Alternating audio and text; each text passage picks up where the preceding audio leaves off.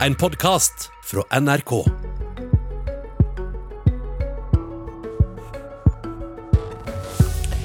Når politikerne stenger ned samfunnet, er en del av grunngjevinga at vi må unngå overbelasting av sykehusene.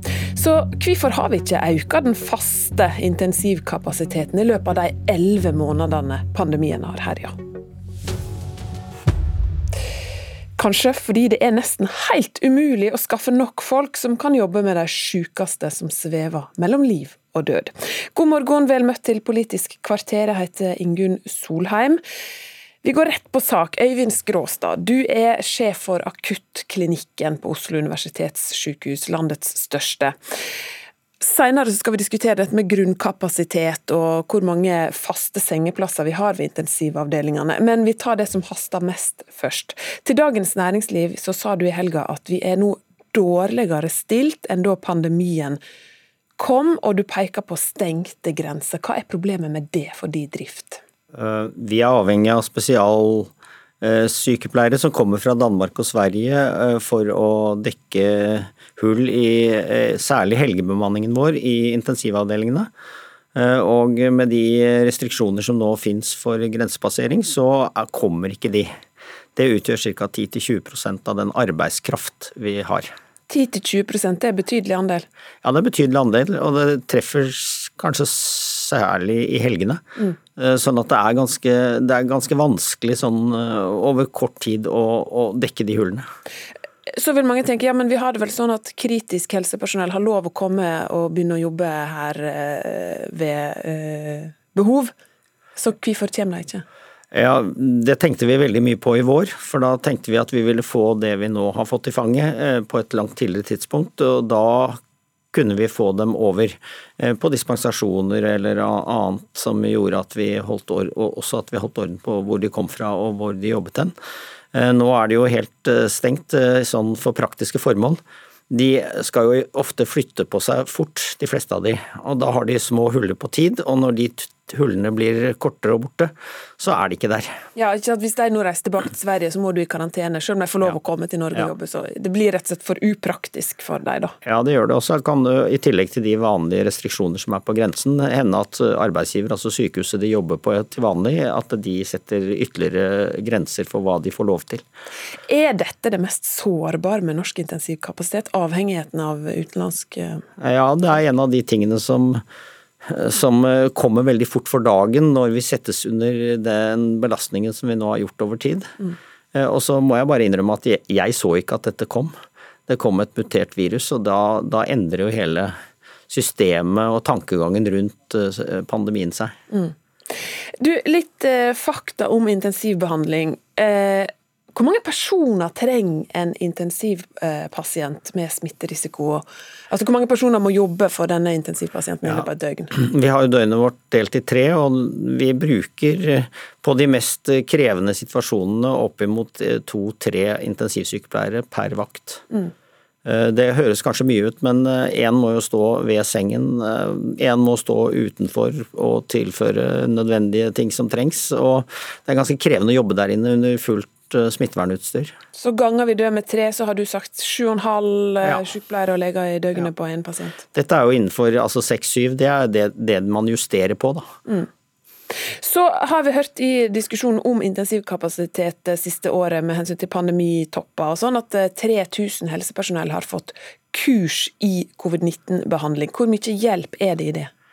Ja, Vi har tatt en liten gjennomgang senest i går kveld og hørt hvor mange har vi fått på vårt sykehus. og Da, da dreier det seg om rundt 60 som er eh, på en måte opplært for å flyttes inn. Men de er jo opplært over kort tid og kan jo ikke fylle plassene. Eh, men de er vel akkurat så flinke at de kan bidra i ytterkanten av det som skal gjøres. Men kan disse 3000 gå inn og erstatte en intensivsykepleier? Nei, ikke sånn an, nummer for nummer eller antall for antall, nei. nei. Ikke i det hele tatt.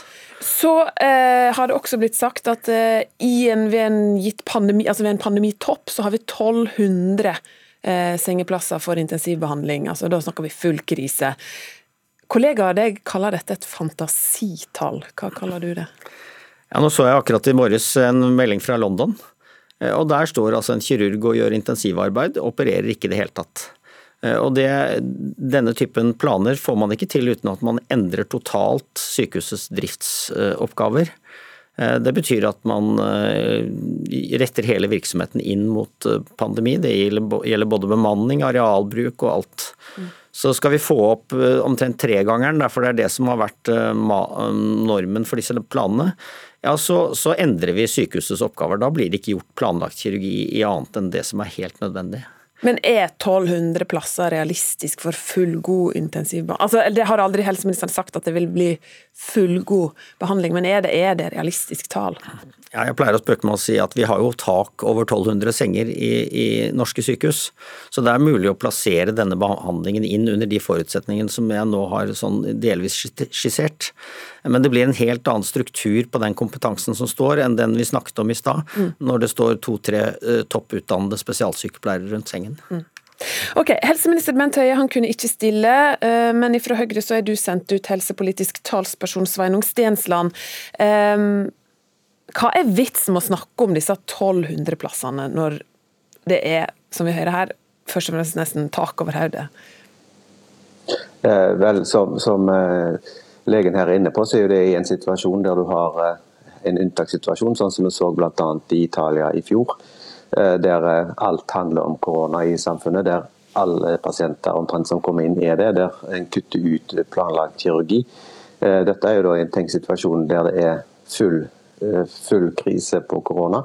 Vi har jo nå kontroll på smittesituasjonen, nettopp for å unngå en sånn, sånn, eh, sånn scenario. Så det 1200 er et tenkt tilfelle der en skrur om driften på alle sykehus til å kun dreie seg om å behandle korona. Der ja. en kutter ut planlagt kirurgi, og det er det det handler om. Men, Men så har det også vært sagt det siste året at denne kapasiteten, eh, i tillegg til de 1200 plassene ved krise, har også blitt bedre eller lettere å øke fordi 3000 har fått kurs. Her sier akuttsjef Skråstad at det er ikke til veldig mye hjelp. Hvorfor snakker en om det da? Eh, jeg oppfatter det han sier, at du kan ikke sammenligne en eh, sykepleier som har fått et kurs med en eh, topputdannet intensivsykepleier. Det er jo logisk, men det er altså over 3000 som har fått kursing som gjør at de kan steppe inn og gjøre deler av jobben og, og kunne bidra i tjenesten. Men vi har aldri sagt at disse er fullt ut utdannet intensivsykepleiere. Derfor er det jo i tillegg økt eh, antall utdanningsplasser med 100 for i år for intensivsykepleiere. Så dette vil gradvis bygges opp. Men de 3000 har alle blitt fremstilt som ferdig utdannet intensivsykepleiere. Men noen som kan være del av en reserve hvis vi får en sånn situasjon som ingen av oss eh, ønsker. Ingvild Kjerkol, helsepolitisk talsperson for Arbeiderpartiet. Hva er etter ditt syn sanninga om evna vår til å eh, øke intensivkapasiteten hvis det trengs? Eh, Sanninga er at vi ligger lavt på det som er intensivsenger i en normalsituasjon. Og Det er jo det vi er bemanna for. Det er den ekspertisen, det er de fagfolkene vi har tilgjengelig på det antall intensivsenger vi har til vanlig. Og det er knappe 300. 289, tror jeg, hvis jeg ikke tar feil. Eh, Dette er lavt sammenlignet med andre land, og det har stått på stedet hvil i ti år siden forrige pandemi, da vi hadde svineinfluensa som var på langt nær så dramatisk som det vi står i nå. Eh, hvor man etter evalueringa av den pandemien oppgraderte kapasiteten. Og så har vi stått på stedet hvil siden. Eh, og Det vi er kritiske til, det er jo regjeringa sin vilje til å utdanne spesialsykepleiere over år. Eh, Riksrevisjonen har jo sett at vi ikke når de kandidatmålene som vi har satt og Derfor blir det vanskelig å få nok kompetent personell når vi står i den situasjonen vi gjør nå. For Nå snakker du om den faste uh, ja. antallet intensivplasser. Bare kjapp kommentar til det her å snakke om at vi har 1200 ved uh, en pandemitopplasser klare, eller kan ha 1200 plasser, og vi har fått stor hjelp av 3000 som har fått kurs. Hva er din vurdering av akkurat det? Nei, der eh, ser jo vi at fagfolkene ikke kjenner seg igjen. Og Du hørte jo også Skråstad tidligere i sendinga her si at det var jo uh, i ytterkanten av det som er den faglige standarden på intensivbehandling. Sånn at man kan mobilisere ressurser opp til et sånt antall, det kan man sikkert. Eh, det er ikke noe fagfolkene fester lit til. Det har vi sett gjennom helga og flere nyhetssaker om det her. Eh, men eh, det blir av en annen kvalitet enn det som man har og, og, som, som, grunninnsats. Da. Mm. Okay. Og, og, vi må huske på én ting. Det vi har av buffer i hverdagen på denne kapasiteten, det er òg det som skal beskytte oss i krise. Og Det at man kan mobilisere adhoc-løsninger, det er vel og bra. Men at det ikke har skjedd noe på ti år, og at vi står dårligere rusta i eh, februar 2021 sammenlignet med mars 2020, det syns ikke jeg regjeringa svarer godt på. Og Det skal vi ta tak i nå, men da vil jeg bare høre fra deg, Skråstad. Eh, hva er ditt syn på Trenger vi å øke tallet på faste intensivplasser her i landet? Altså dette tallet som nå er på 289. Eh, I snitt så ligger det 200 eh, ved norske sykehus i døgnet på intensiv. Jeg kan heller begynne på en annen ende. Jeg vil gjerne kvitte oss med avhengigheten av utenlandsk arbeidskraft inn. Eh, hvis vi begynner med det, så har vi gjort veldig mye for hvordan vi skal drifte i det daglige. Det betyr noe for hver dag, ikke bare for pandemisituasjonen. Eh, det jeg da snakker om er egentlig å fylle opp de hullene med kvalifiserte, eh, reelle intensivsykepleiere. Og Så kan vi begynne å diskutere i etterkant hvor mye den kapasiteten eventuelt skal opp for å jevne aktivitetsstopper som vi ellers har. Eh, fordi at det er klart at vi, har, vi, vi, vi, ligger høyt på belegget i forhold til det som er praktisk og viktig for mange pasienter som vi har til vanlig. Mm. Hvor mange det er, det ønsker ikke jeg å tallfeste, men vi har et nasjonalt utvalg som leverte 14 dager før pandemien startet, eh, i hvert fall globalt.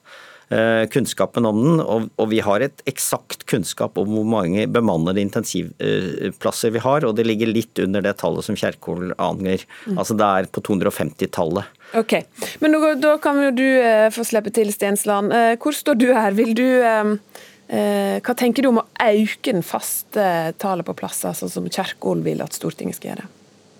Altså, dimensjoneringen av eh, sykehusavdelingene i detalj, det mener jeg og mange med meg bør være et faglig spørsmål, og det må være en diskusjon som de som eh, driver med dette til daglig står i. Eh, med meg kjent så har ikke Stortinget noen gang gått inn og definert antallet på noen som helst sengeposter, hvor mange som skal være. Så det blir litt spesielt hvis vi skal gå inn her og dimensjonere eksakt. Men det har jo vært en diskusjon politisk om en bør ha en økning.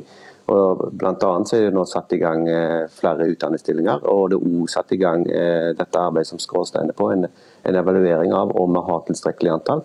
Og så er det ikke sånn som Kjerkol sier at vi ligger veldig, veldig lavt, vi ligger omtrent på nivå med våre naboland når det gjelder dekning av intensivplasser. Og det er heller ikke sånn at det ikke har skjedd noe.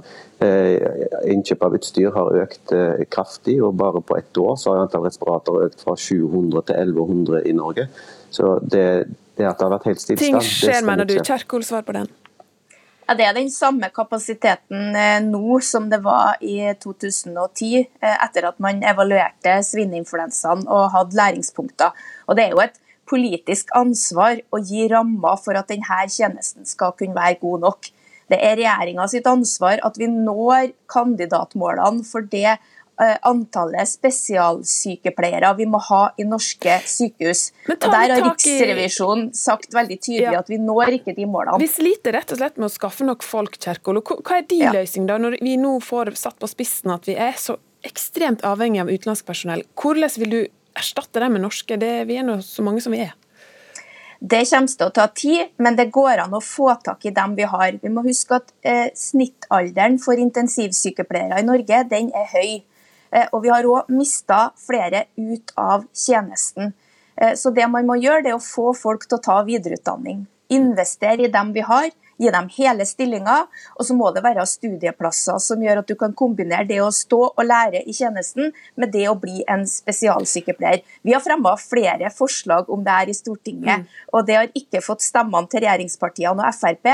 og Derfor har det heller ikke blitt vedtatt. Kort en rekke den, ting man kan gjøre. Stensland, og så har jeg et spørsmål til Skråta til slutt.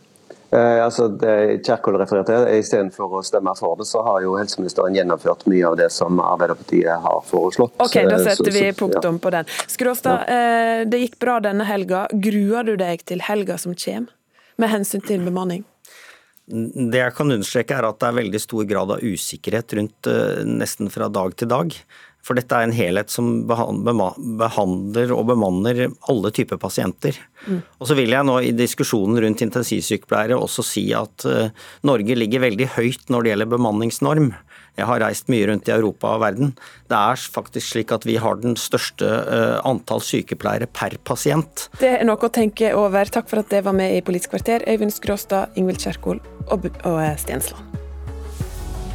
Du har hørt en podkast fra NRK. Hør flere podkaster og din favorittkanal i appen NRK Radio.